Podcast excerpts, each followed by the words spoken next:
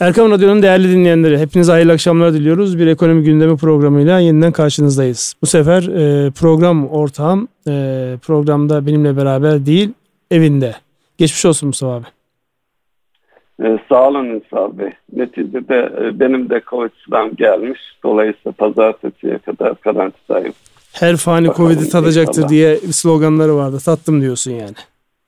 evet sıram geldi ama ikinci, üçüncü olanları duyuyorum. İnşallah bu seferle e, kurtuluruz. Büyük geçmiş olsun. Rabbim şifalar lütfetsin. Sağ olun.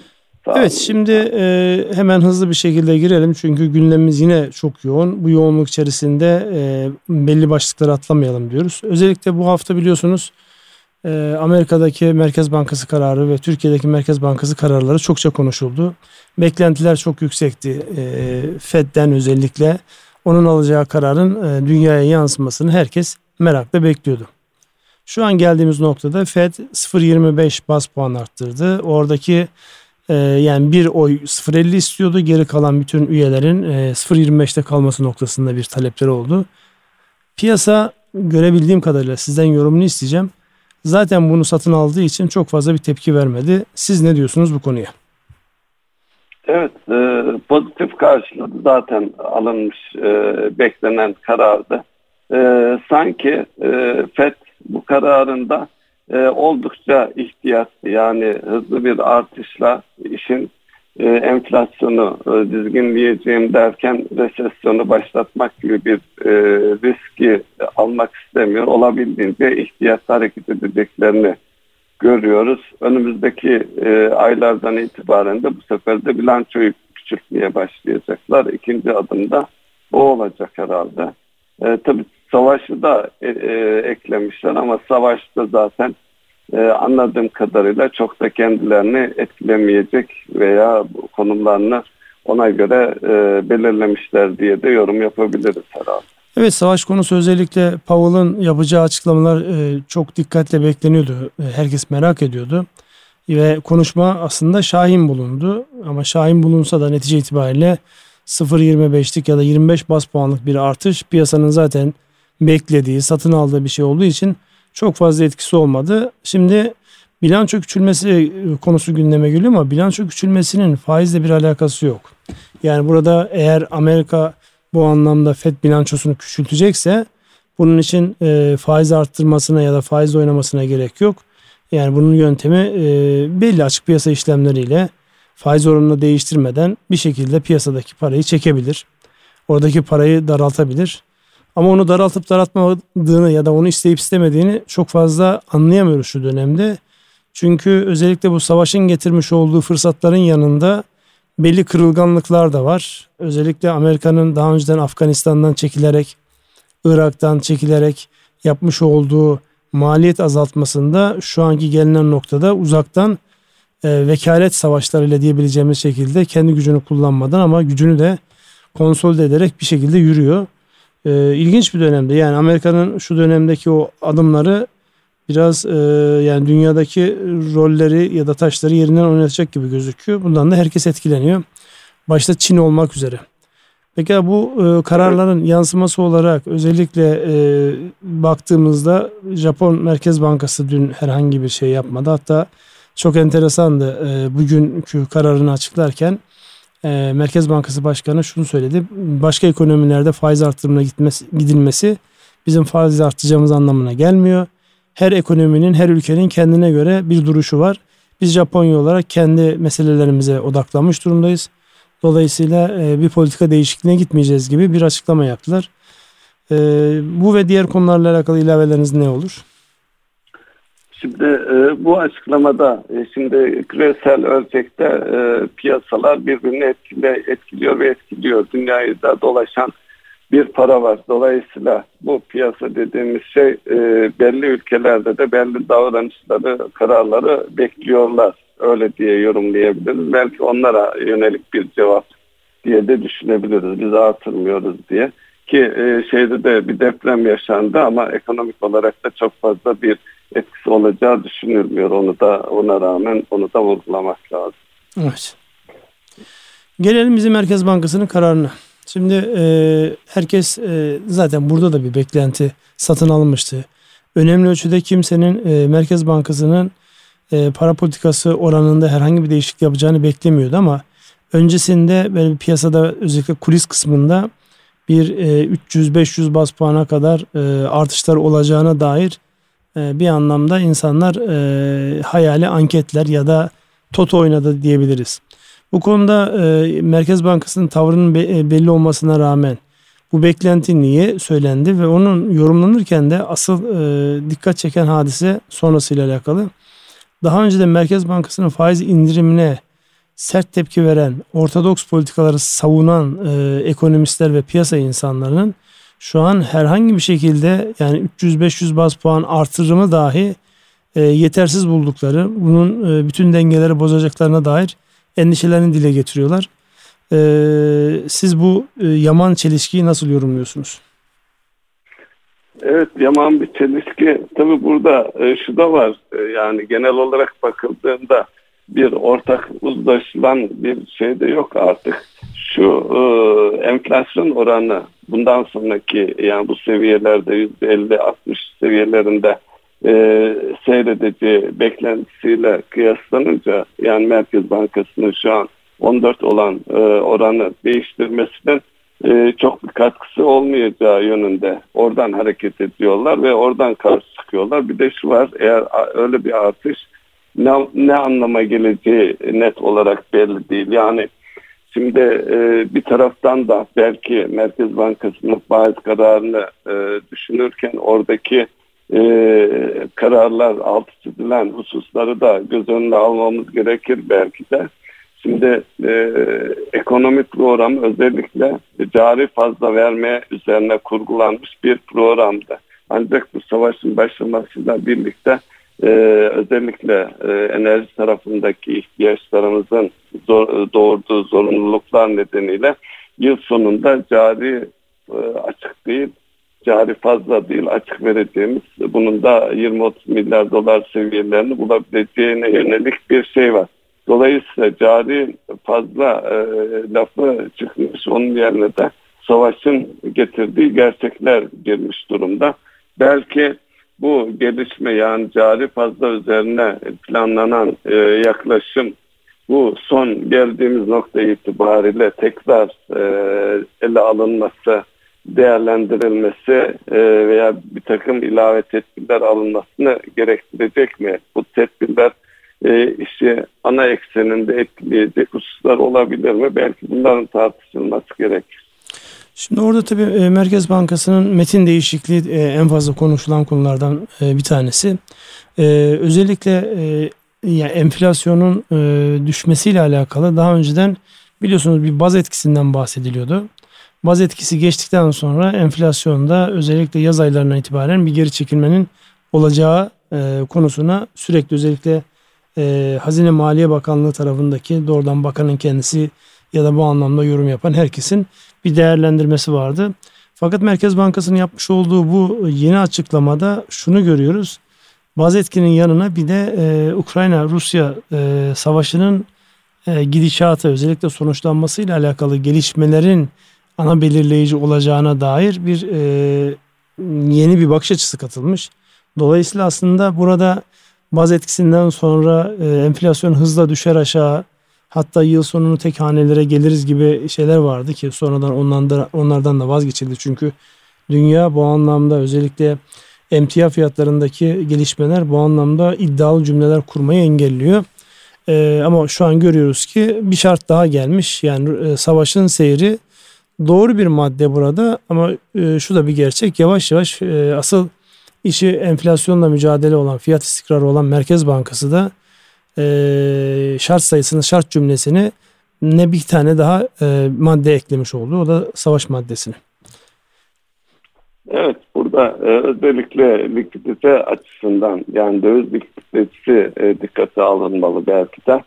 E, Merkez Bankası'nın rezervleri de azalma var. Bu arada da özellikle enerjiye bağlı olarak da e, döviz ihtiyacı söz konusu. E, ihracat ve e, e, turizmi birlikte düşünmemiz ve onun yanı sıra da devletin borçlanma ihtiyaçlarını hep birlikte değerlendirmemiz gerekir herhalde. Evet, e, tam, da, ee, tam konuda, da burada buyurun. bu hafta içerisinde e, yurt dışı e, kaynaklı bir borçlanma oldu. Bununla alakalı da çokça e, piyasa konuştu. Özellikle e, oranın oranın konusunda konuşuldu. 8'in üzerinde bir oranla e, 5,5 yıl vadeli bir borçlanma oldu. Rakam e, çok büyük değil ama en azından e, maliyet anlamında özellikle Türkiye'nin e, uzun zamandan beri görmediği bir yüksek oranla borçlanmış olduk. Bunu bir yorumlamak gerekiyor çünkü e, biz özellikle e, içerideki hem fiyat istikrarını sağlamak açısından hem de e, piyasaların düzenli akması anlamında başta KDV olmak üzere birçok e, üründen vergi gelirlerini azaltacak adımlar attık. Dolayısıyla bu e, azalan vergi gelirleri eğer bir tarafta farklı yansımayacaksa e, bütçe denkliği açısından önümüze borçlanma gereğini ortaya çıkaracak. Gerçi Türkiye hala daha e, gayri safi yurt içi hasılasının e, dünyadaki diğer örnekleriyle karşılaştırdığımızda hala daha makul oranlardan borçluluğu söz konusu olmakla beraber tabi oranın büyüme e, ihtimali de yeni bir gündem olarak karşımıza geliyor.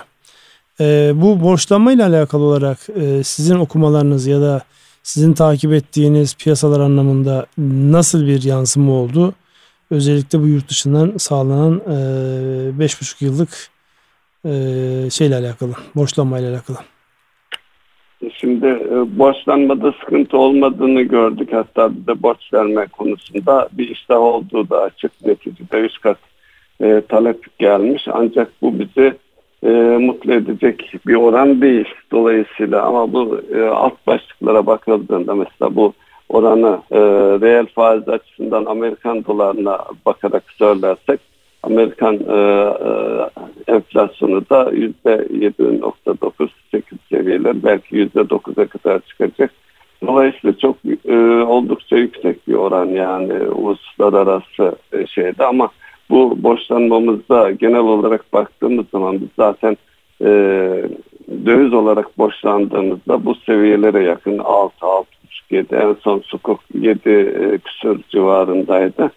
E, tabii yapacağımız özellikle içeride yapacağımız şeyler var. Bunlardan en önemlisi işte e, döviz kazandıracak işlemleri, işlerin artırılmasıydı. Şu anda savaş e, her şeyi yeniden dengeye oturtmanın gerektiği, yani yeni piyasalar, yeni koşullar, e, yeni alanlar ortaya çıkacak. Bunların bir kısmında e, ekside bir kısmında artı olacağız ama toplamda nerede olacağımız önemli. Tabii savaşı belki çok ciddi e, konuşmak lazım. Çok uzun sürecek mi sürmeyecek mi çok uzun süreci beklenmiyor. Yani burada da e, şeyin burada belirleyici aktörlerden bir tanesi Amerika e, şeyden öngörülerinden bir tanesi de uzun sürerse Rusya'nın işte nükleer e, bir adım atabileceği yönündeki bu daha önce böyle bir şeyin e, dünya savaş çıkartacağını söyleyen e, kaynak e, Amerika aynı şekilde bunu söylüyor. Buralardan nereye varılmaya çalışılıyor yani uzun sürecek mi sürmeyecek mi kısa sürecekse e, şu ana kadar akla ziyan seviyede e, 6500'ü geçmiş e, yaptırım sayısı. Bunlardan hemen geri adım atmak mümkün mü? E, atarlar mı bilmiyoruz. En basit anlamda dönüp kendimize bakacak olursak işte Trump zamanında e, Avrupa'ya başlatılan çelikte buna benzer e, yaptırımlar herkesten kalktı bizde devam ediyor. Dolayısıyla bunun bize yansıyan tarafları ne olur ne olmaz kalem kalem e, üzerinden geçilmesi e, söz konusu.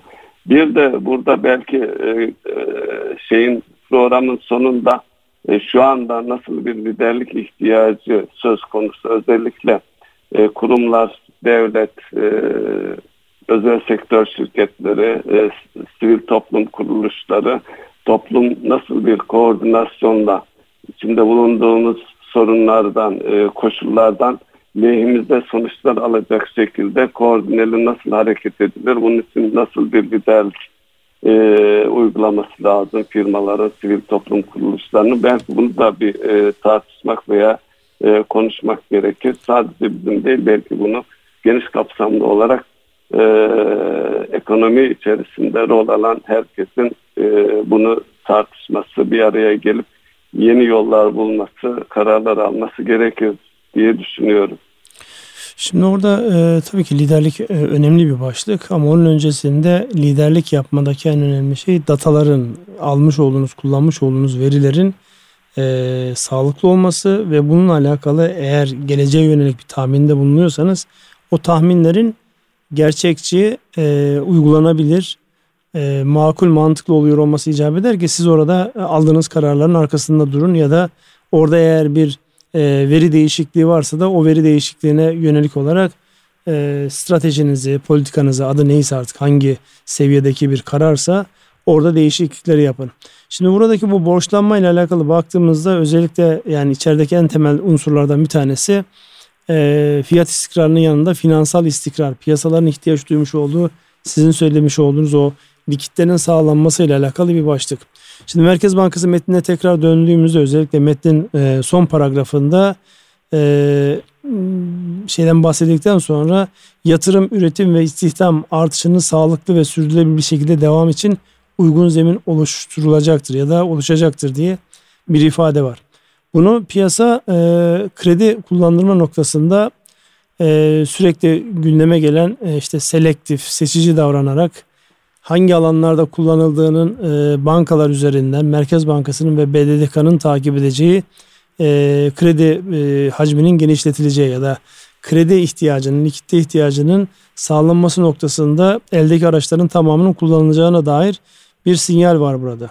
Şimdi e, uzun yıllar bankacılık yapmış birisi olarak şu an e, piyasada insanların özellikle yeni krediler alırken mevcut likitte ihtiyaçlarını ya da mevcut e, borç döngülerini ne yapacaklar ki yeni kredileri amaçlarına uygun olarak ve belli noktalarda kullanılacak sorusunu yani pratikle teori ya da mevzuatla gerçeklik arasındaki şey bağ bir dokunmanızı isteyeceğim. Çünkü orada çok soru geliyor. Yani insanlar e, işletmem devam ediyor. Geçmişten gelen ödemelerim var. Geleceğe matuf siparişlerim var. Alacaklarım var. Ya da e, tahsil edeceklerim var. Dolayısıyla ben bunları sürekli beyanda bulunarak yani e, amacına uygun kullandırıyorum, borç kapatmıyorum şeklindeki hususları nasıl yönetecekleriyle alakalı piyasadan çokça soru geliyor. Bilmiyorum siz hiç muhatap oluyor musunuz bunlarla?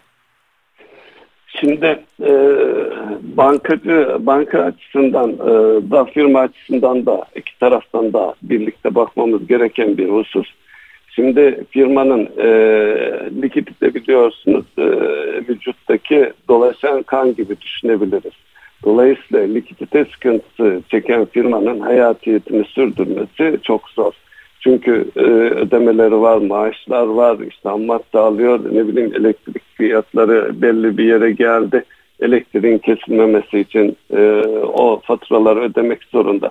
Ve bunun için de daha önceki konuşmalarımızda bu e, enflasyonla birlikte, döviz artışıyla birlikte firmaların e, işletme sermaye ihtiyaçlarının arttığını e, bunun bir olayı sermaye patron yeni sermaye koyacak ya da bunu telafi edecek şekilde bir yerlerden kaynak bulacak. Şimdi burada firmanın hayatiyetini ve sürdürülebilirliğini dikkate aldığımız zaman orada kredi gerekiyorsa ki e, bankanın da e, kredisini e, canlı olarak tutma, kredisinin başına bir halel gelmemesi için devam ettirmek e, zorunda. E, bunu bir ayrı koymak lazım. Bunun yanı sıra bir de içinde bulunduğumuz koşulların fırsat tarafı var. Nedir işte? E, son savaşla da birlikte ortaya çıkan bir husus oldu. Herkes de bir stok artırma gayreti yani hiçbir şey satması da örneğin buğdaydaki fiyat artışlarını biliyoruz. Çelikteki diğer ham maddelerdeki fiyat artışlarını biliyoruz. Yani normal firmanın faaliyetini sürdürmenin ötesinde bunu bir fırsat olarak görüp belli mal gruplarına veya başka e, amaçlarla da bu konut bile olabilir. E, yatırım yapmak gibi bir e, sonucu da olabilir. İşte bankaların aslında tam da bu alanda yani firmanın ihtiyacının ötesinde konularda verdiği kredinin o alanlara gitmesini e, engellemesi veya bunun farkında olması çok çok önemli. Eğer burada e, ipin ucu kaçırılırsa e, kredi amacı doğrultusunda kullanılmamış olacaktır. Ama burada bankalar açısından da yani daha önceki bankacılık yaptığımız süreci dikkate alırsak bu alınan e, yukarıdan alınan bir politik karar diyelim. Ama bunun neticede şubede bir şube ile bir firmanın karşı karşıya geldiği o da parmak uçları dediğimiz noktada. Orada ne tür sonuçlar doğuracağını, oradaki insanlar nasıl davranacağı da önemli. Burada her bir bankanın bu politikanın arkasında durması halinde, gerekli denetimi, talimat vermesi halinde e, ya mutlaka olur. Ama asgari e, seviyelerde yani istismar dediğimiz alan asgari seviyelere baskılanabilir diye düşünüyoruz. Da buradaki asıl amaç özellikle üretim tarafıyla ilgiliydi. Onu e, krediyle birlikte, teşvik tarafıyla birlikte belki konuşmamız daha doğru olur. Evet. Şimdi burada e, tabii e, insanların günlük işletme e, ihtiyaçları açısından baktığımızda en önemli maliyet kalemi girdilerin artması. Özellikle e, Türkiye ekonomisinde lokomotif konumunda olan işte inşaat sektörü başta olmak üzere onun arkasındaki demir, çimento, diğer sektörlerde girdi maliyetlerinden dolayı e, şu an nihai kullanıma yansıyacak fiyatlarda inan, inanılmaz bir yukarı gitme var. E, bu arada e, özellikle petroldeki görmüş olduğumuz o 131 dolardan sonra 100 doların altına sarkmıştı. E, bugün itibariyle tekrar 100 doların üzerinde. Çünkü buradaki özellikle e, Rusya ile alakalı, Rusya'nın piyasaya vereceği e, petrol miktarı ile alakalı ya da onun engellenmesiyle alakalı. Ona karşı olarak da İran başta olmak üzere Venezuela gibi e, yeraltı kaynakları var olan, çıkaran ama değişik ambargolarla ürün satamayan ülkelerin pozisyonuyla alakalı yansıma var.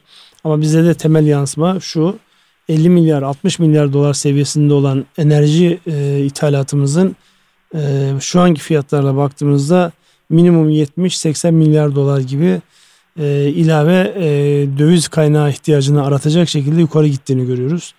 Aynı şekilde ihracatın e, aynı tempoyla artmadığını çünkü bir taraftan da e, bu maliyetleri netleştirememekten dolayı e, belli ürünlerde fiyat verilemiyor.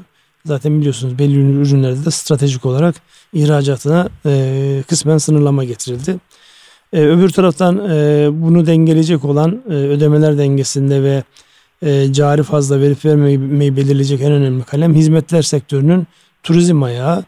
Turizmle alakalı e, hala daha ümit var görünmekle beraber e, ama bu savaşından çok ciddi etkileneceğimizi en önemli iki piyasamızın bunun etkisi altına kaldığını görüyoruz. Şimdi buradan değerlendirdiğimizde özellikle ham madde fiyatlarının yansımaları, piyasaya yansıması, firmalara yansıması açısından baktığımızda e, kredi ihtiyacını daha üst seviyeye getirmeyecek mi?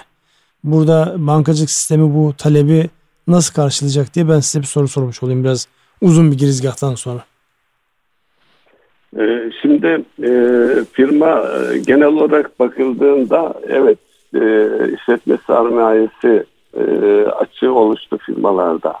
Şimdi her firma özelinde farklı farklı sonuçları var. Mesela şu süreçte özellikle fiyat artışlarının bu e, enflasyona dayalı olarak son dönemdeki fiyat artışlarının özellikle üretim yapan hatta ticaret yapıp da stokla e, karşılanan e, bu e, süreci stokta yakalanan demeyelim de e, stoklu olarak karşılayan firmalarda ciddi bir likidite oluştu, bir karlılık oluştu.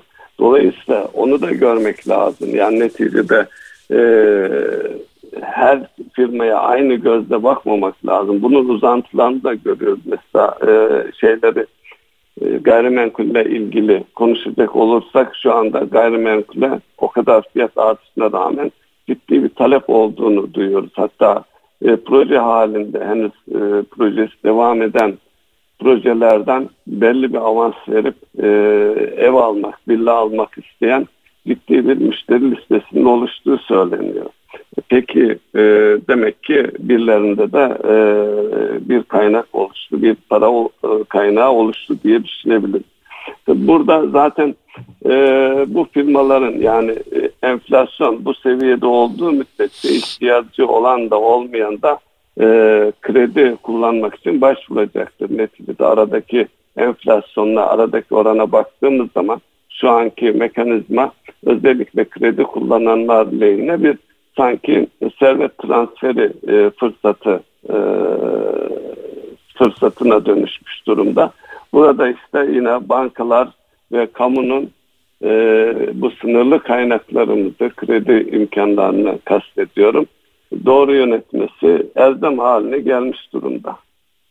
Yani firma bazında ayrı ayrı göz önüne almak lazım. Ama buradaki bankacı e, olarak handikaplardan bir tanesi her bankacı e, kredisini geri alabileceği, başında ağrımayacağı firmalara verir. E, onların da çok aslında kredi ihtiyacı yoktur.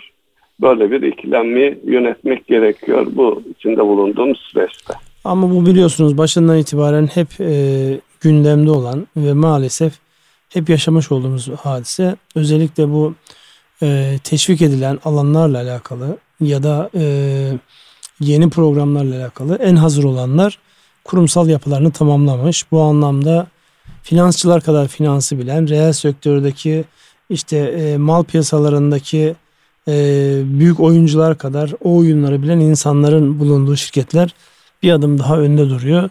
Bunda diyecek herhangi bir şey yok yani bunu engelleyecek bir şey de yok. E, bugünlerde zaten başka bir şey var özellikle bu Avrupa Birliği kaynaklı e, hibeler, fonlar, destekler bunlara baktığımızda ben e, geçtiğimiz hafta içerisinde bununla alakalı e, birkaç toplantıya katıldım.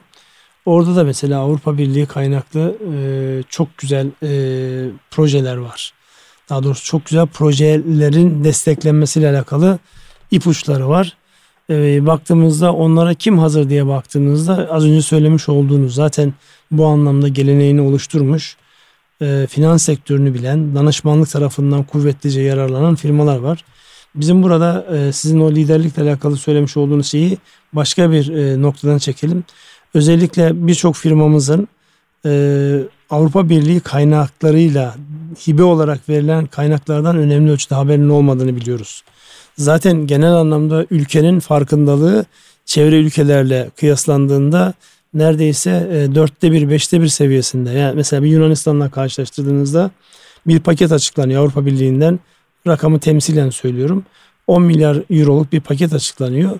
10 milyar euroluk paketten nüfus oranlarına ve ekonomi büyüklüklerine baktığınızda Türkiye'nin alması gereken pay belki 5 milyar euro.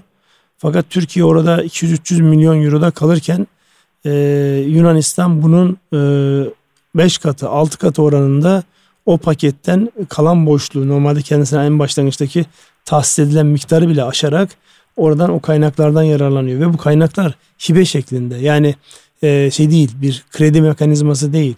Şimdi bizim burada genel yaklaşımımız şöyle. E, uzak duralım finans sektörüne uzak duralım. Özellikle dini hassasiyeti olan insanlar açısından söylüyorum işletmeler açısından söylüyorum. Bu sefer her şeyden uzak durulmaya başlanıyor. Normal şartlarda faaliyeti yani fabrikasının üzerine e, güneş enerjisi panelleri koyacak kendi cebinden yapıyor bunu. Halbuki bununla alakalı ya da işte enerji e, eğitim sektörüyle alakalı okulu var. Fakat okulun içerisinde bir yeşil ekonomi başlığı olmadığı için alabileceği çok güzel hibe desteklerinden bilgisi olmadığı için mahrum kalabiliyor.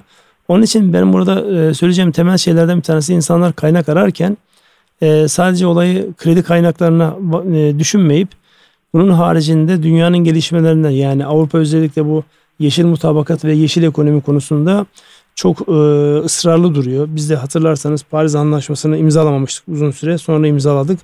Bununla alakalı bir taraftan faydalar varken öbür taraftan bizim işletmelerimiz eğer o anlaşmalara yeşil mutabakat anlaşmalarına uygun hareket etmezse bir taraftan ceza ödeyeceği gibi şu an mal satmış olduğu piyasalara mal bile satamama konumuna gelecek.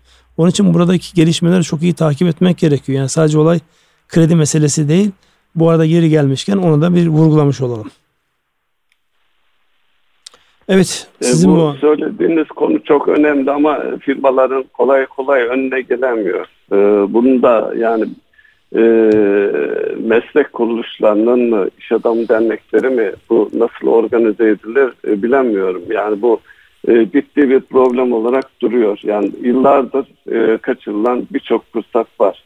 Her e, sektörde var yani. Dolayısıyla belki Avrupa Birliği sürecinin e, yavaş gitmesinin nedenleri de doğru olarak belki o süreçleri oradaki e, uyumu, oradaki yapılması gerekenleri, fırsatları hiçbir zaman e, gireceğinizi düşünmediğiniz için de olabilir. Yani bize almazlar şey vardı ve hala da onu tartışabiliriz oturduğumuz zaman. Ama en azından almasınlar bile onların sundukları fırsatların farkında olmamız şart. Ee, bilemiyorum bu konuda ilave neler yapılabilir. Bakın şimdi o konu biraz değişir gibi oldu ama yani bu anlamda en azından dinleyen e, birkaç kişi dahi buraya bir yönelse çok farklı bir sonuç olacak. Çok basit. Bir internet sitesine girecek. ab.gov.tr'ye girecek. Orada e, bir web sayfası geldiğinde medya diye bir e, sağda bir sekme var. Onun altında güncel hibeler diye bir başlık var. Yani bir kısmı bunun tabii kamuya yönelik, bir kısmı e, özel sektöre yönelik, bir kısmı enerjiye yönelik. Lütfen orada şu an güncel açık olan çok uzun bir liste var. Orayı incelesin insanlar.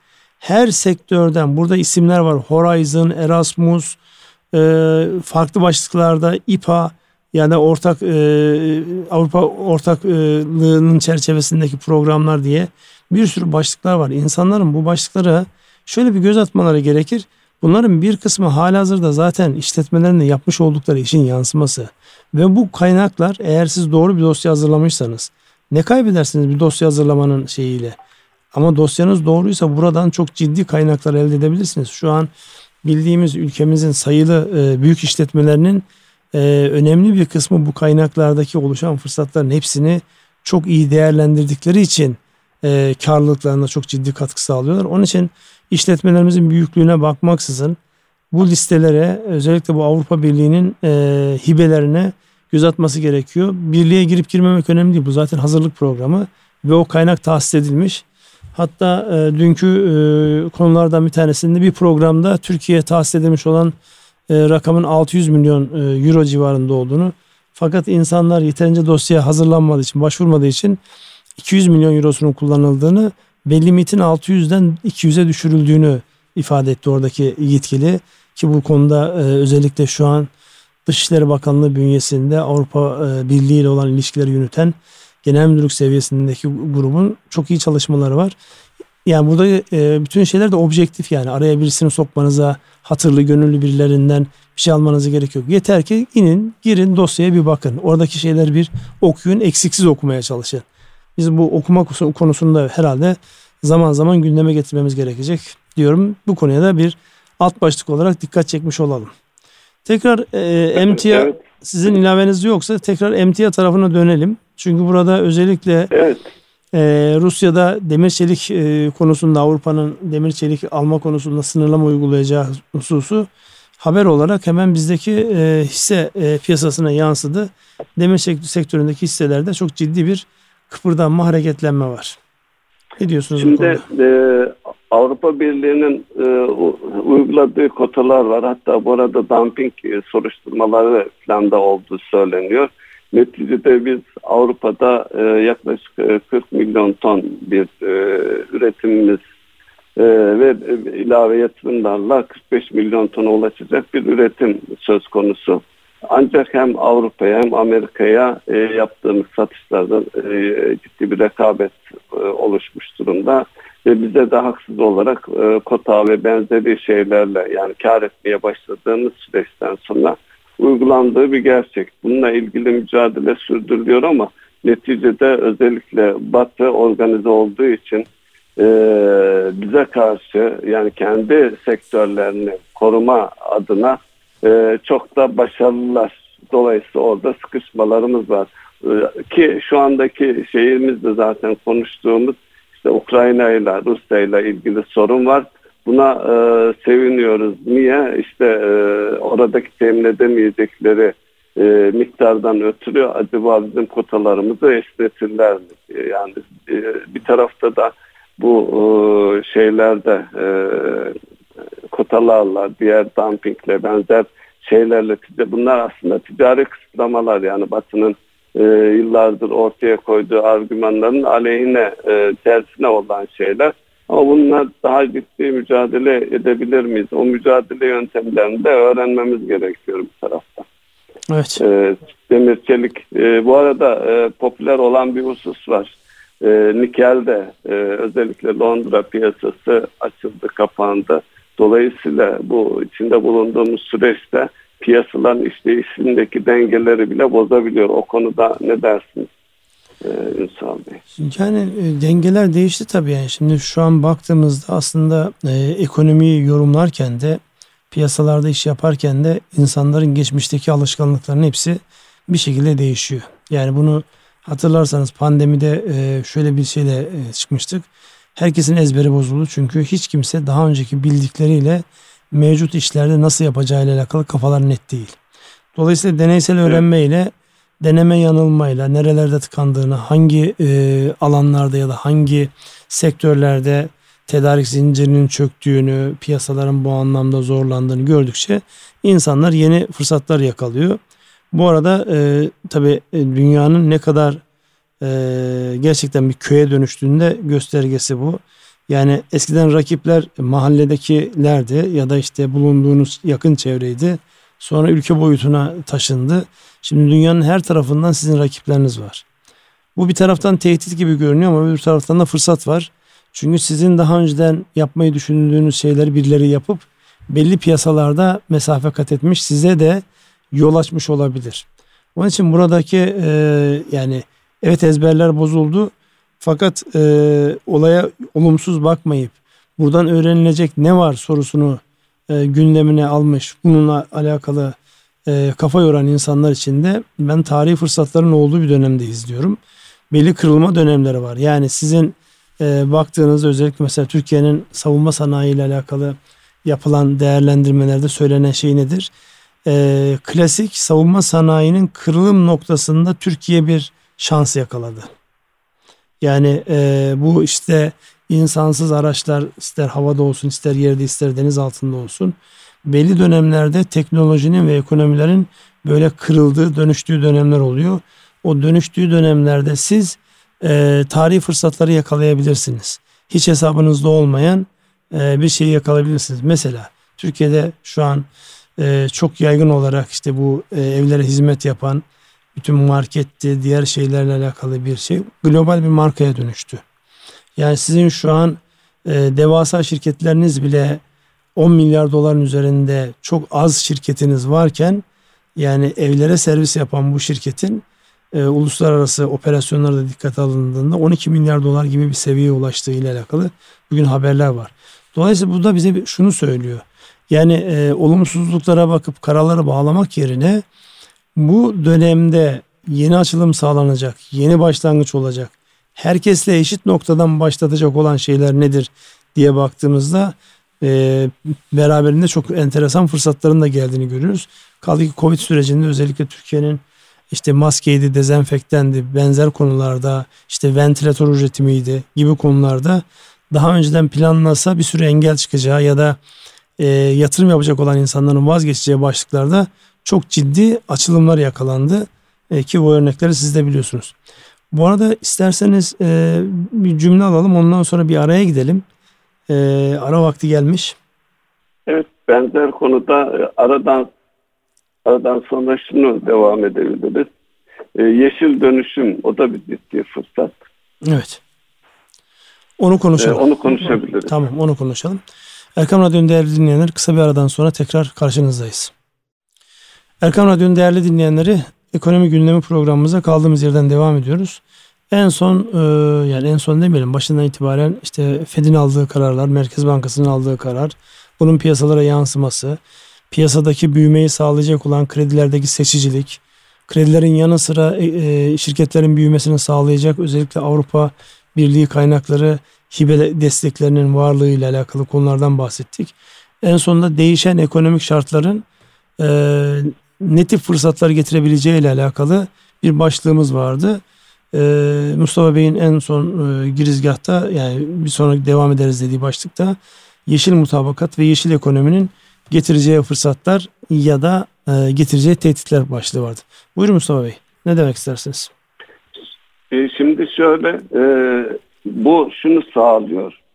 Önümüzdeki dönemde özellikle Batı ülkelerinde de beklenti şu. Bir takım kararlar alınmış durumda. Özellikle 2050 yılında sıfır e, karbon e, emisyonuyla ilgili bir hedef var.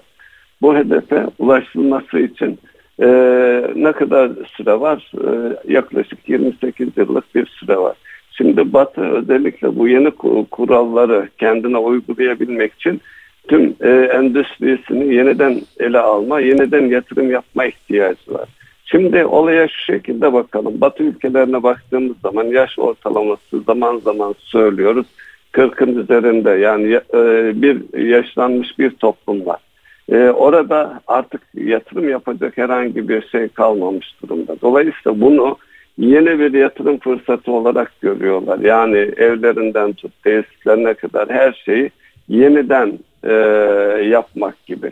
Bir de bunu e, Endüstri 4.0'la birlikte hele hele bundan sonraki süreçte nesnelerin interneti gibi e, şeylerde gelişmelerle yapay zekayla artırılmış gerçeklik gibi hususlarla birlikte değerlendirdiğimiz zaman e, bunu Batı kendisi için yeni bir ayağa kalkma fırsatı olarak görüyor zaten.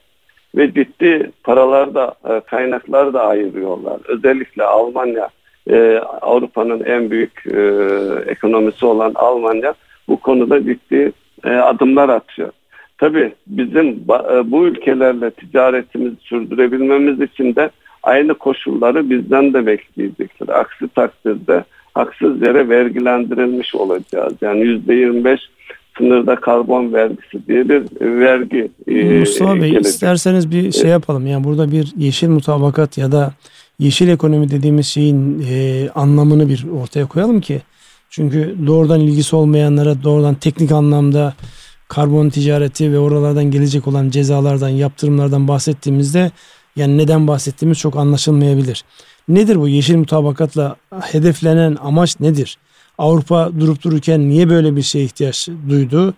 Ee, kendi ekonomisi sanayileşmeyi tamamlamış, hizmete geçmişken diğer ülkelerde bu anlamda bizim gibi ülkelerde yeni yeni hareketler başlarken böyle bir şeye niye ihtiyaç duydu sorusunun cevabını ve bunu nereler etkileyeceğinden bahsederseniz e, yani o girizgahda yaparsak daha iyi olmaz mı?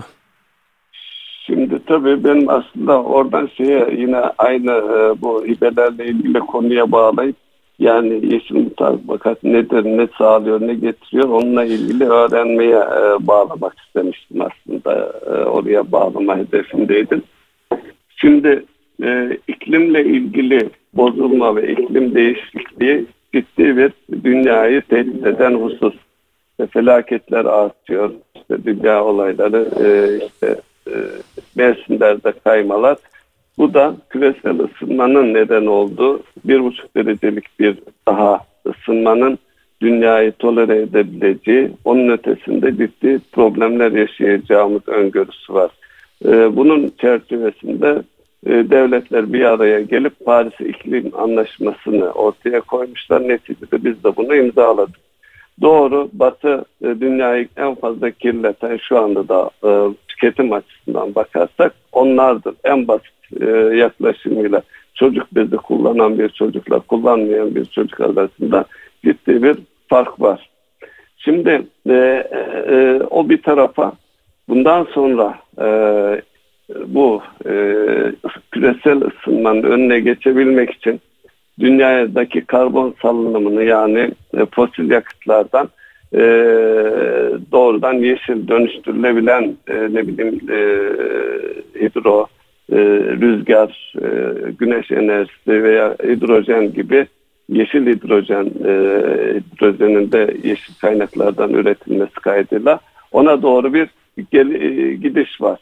Dolayısıyla herkesin üretimini buna göre e, hesaplaması gerekiyor. Hatta şu, şu anda e, bir hesaplama yöntemi nasıl şirketler borcunu alacağın muhasebesini tutuyorsa e, çok yakın gelecekte bir de karbon muhasebesi tutulacak. Yani aldığınız bir ham madde almışsanız, çelik almışsanız aldığınız çeliğin içerisinde yüzde kaç karbon şeyi var. Bunların hepsi hesaplanacak ambalajına kadar ve bir etiket çıkacak. Ona göre de sizin e, ürününüz karşılık bulacak. Şimdi bir taraftan e, haklısınız. e, cezaları söyledik ama bir de farkındalık oluşmaya başladı. Özellikle e, dünyada batı ülkelerinden başlayarak genç kesimi de Z kuşağı dedikleri kesimi kullanıyorlar biraz da onu öne çıkartarak işte aldığı üründe nerede üretilmiş e, ne kadar kan, e, çevreyi kirletmiş çocuk mu çalışmış ne olmuş bunların hepsini artık e, takip etmekte mümkün hale geliyor e, içinde bulunduğumuz teknolojik gelişmelerle.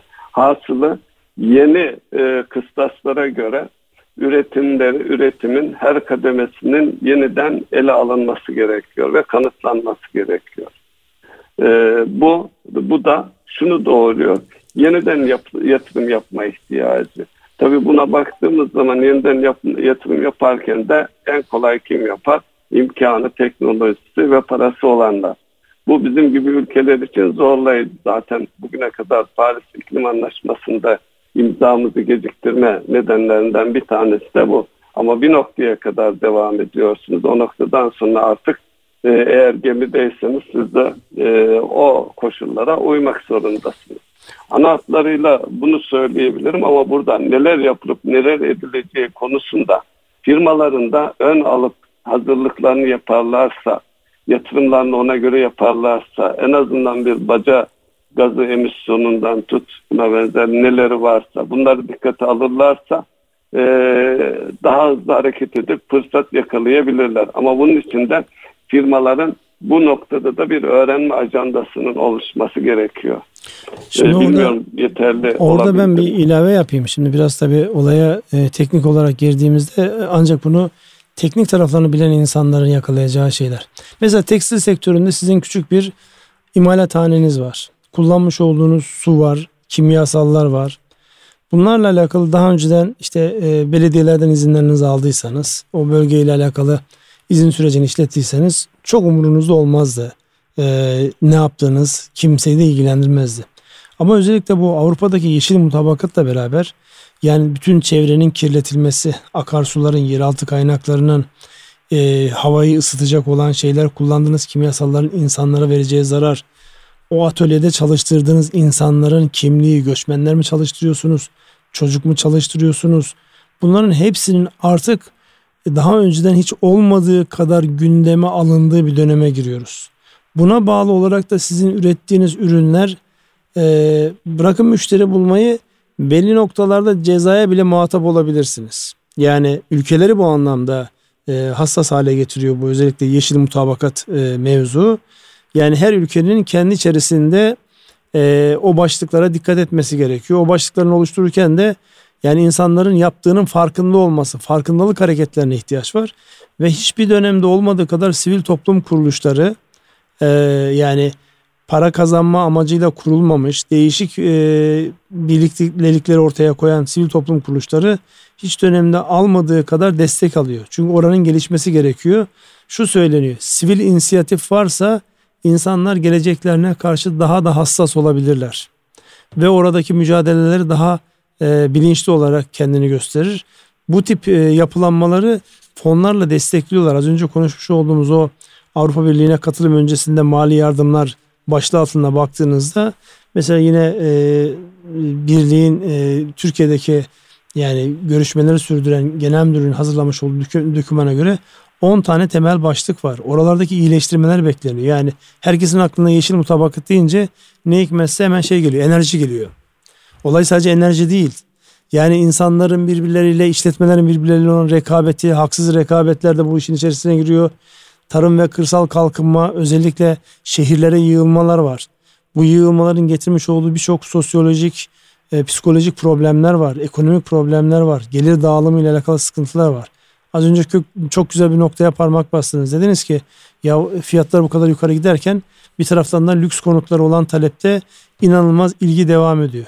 Yani fiyatların yukarı gitmesi genel anlamda baktığınızda evet insanların e, ekonomik durumunun geriye gelmesini sağlıyor ama aslında öbür tarafta da getirdiği en büyük problem gelir dağılımını bozan bir etkisi var. Enflasyonun yapmış olduğu en büyük olumsuz etkilerin başında gelir dağılımındaki adaletsizlik geliyor. Dolayısıyla evet birileri e, yani temel ihtiyaçlarını karşılamayıp ya da kafasını sokacak bir ev alacak ücretiyle alacak durumda değilken öbür taraftan da gelir dağılımı bozulduğu için birileri için de inanılmaz fırsatların çıktığı bir döneme giriliyor. Bu da mesela e, o sosyal eşitliği sağlama noktasında bu da önümüzdeki dönemde dikkat edilmesi gereken bir şey. Çünkü bir toplumun içerisinde birileri müthiş rahat içerisinde yaşayıp öbürleri sıkıntı çekiyorsa o sürdürülebilir bir durum değildir. İleride bunun bedeli bir şekilde e, bütün toplumdan çıkar. Onun için bir bütün olarak bakılıyor hadiseye. Sınır ötesi işbirlikteliklerini önemsiyor. Mesela bu göçlerle alakalı özellikle belli bölgelerdeki problemlerin dünyanın her tarafına transfer edilmesiyle alakalı biliyorsunuz Türkiye'nin üzerinde çok ciddi bir yük var. Yani e, Avrupa bu anlamda Türkiye'ye böyle bir taraftan minnetle bakması gerekir ama öbür taraftan da yani elinden gelen her türlü e, neyse o kelimeyi kullanmayalım zorlukları çıkarıyor. Normalde baktığınızda aslında biz onların üzerine inanılmaz bir yük alıyoruz. Fakat bu yük bizim üzerimizde kalıyor. Bu yükü bizim bir şekilde akıllı bir şekilde uzun vadeli olarak yönetiyor olmamız lazım. Tekrar yeşil mutabakata dönecek olursak olay sadece enerji ya da çevreyi kirleten üretimler değil. E, temel haklardan başlıyor. Ulaştırmada kullanacağınız alet edevatların yani elektrikli araçlar laf olsun diye yaygınlaşmıyor. Bunların hepsi bir bütün olarak dünyanın geleceğinde yeni ekonomi diyebileceğimiz bir alan oluşuyor. Bu alanda yeni sektörleri getiriyor. Daha önceden insanlar kariyer anlamında mesela sivil toplum kuruluşunda kariyer yapmak diye bir kavram yoktu. Çünkü gönüllülük esastı. Şu an sivil toplum kuruluşlarında teknik eleman olarak çalışmak, yönetici olarak çalışmak, o işin stratejilerini geliştiriyor olarak çalışmak çok önemli bir meslek haline geldi. Onun için bunlar önemli başlıklar. Bu başlıkların da hepsinin dikkate alınması gerekir diye e, burada not düşelim. Yavaş yavaş programın sonuna doğru da geliyoruz. İsterseniz bir e, son başlıklarımıza değinelim. Biraz e, özellikle bu Avrupa Birliği meselesi girince dağıttık konuyu ama olsun en azından faydalı bir şeyler söylediğimizi umut ediyorum ben. E, fırsat şimdi biraz karamsar şeyler mi söyledik acaba diye düşündüm. Onun için e, bu savaş nedeniyle gelen fırsatlar var mı? Belki oraya bakılabilir işte Rusya'dan çıkan şirketlerin e, İstanbul'a, Türkiye'ye gelmesi ne kadar söz konusu. İran nükleer anlaşmaya dönerse e, bizim e, için şirketlerimiz için özellikle ne tür fırsatlar ortaya çıkar? Belki bunları konuşabiliriz. Anladım. Bu arada Çanakkale Köprüsü e, bugün hizmete açılıyor. E, açıldı. Şimdi e, işin şey tarafı işte e, mesafesi dünyadaki büyüklük açısından sırası nedir bu konuları e, geç, geçip doğrudan ekonomik olarak katkısı nedir'e bakmamız belki o da önemli bir husus. Özellikle e, ulaşımın sağladığı imkanları ortaya koyması açısından. Ya çok basit bir şey söyleyeyim. Bugün oranın açılışına giden arkadaşlar e, konuştuk yani yazıştık en azından. Sabahleyin diyor Üsküdar'dan çıktım iki buçuk saat sonra köprünün üzerindeydim. Şimdi bir bölgenin ekonomik bütün kaç e, saat dediniz? İki buçuk saat.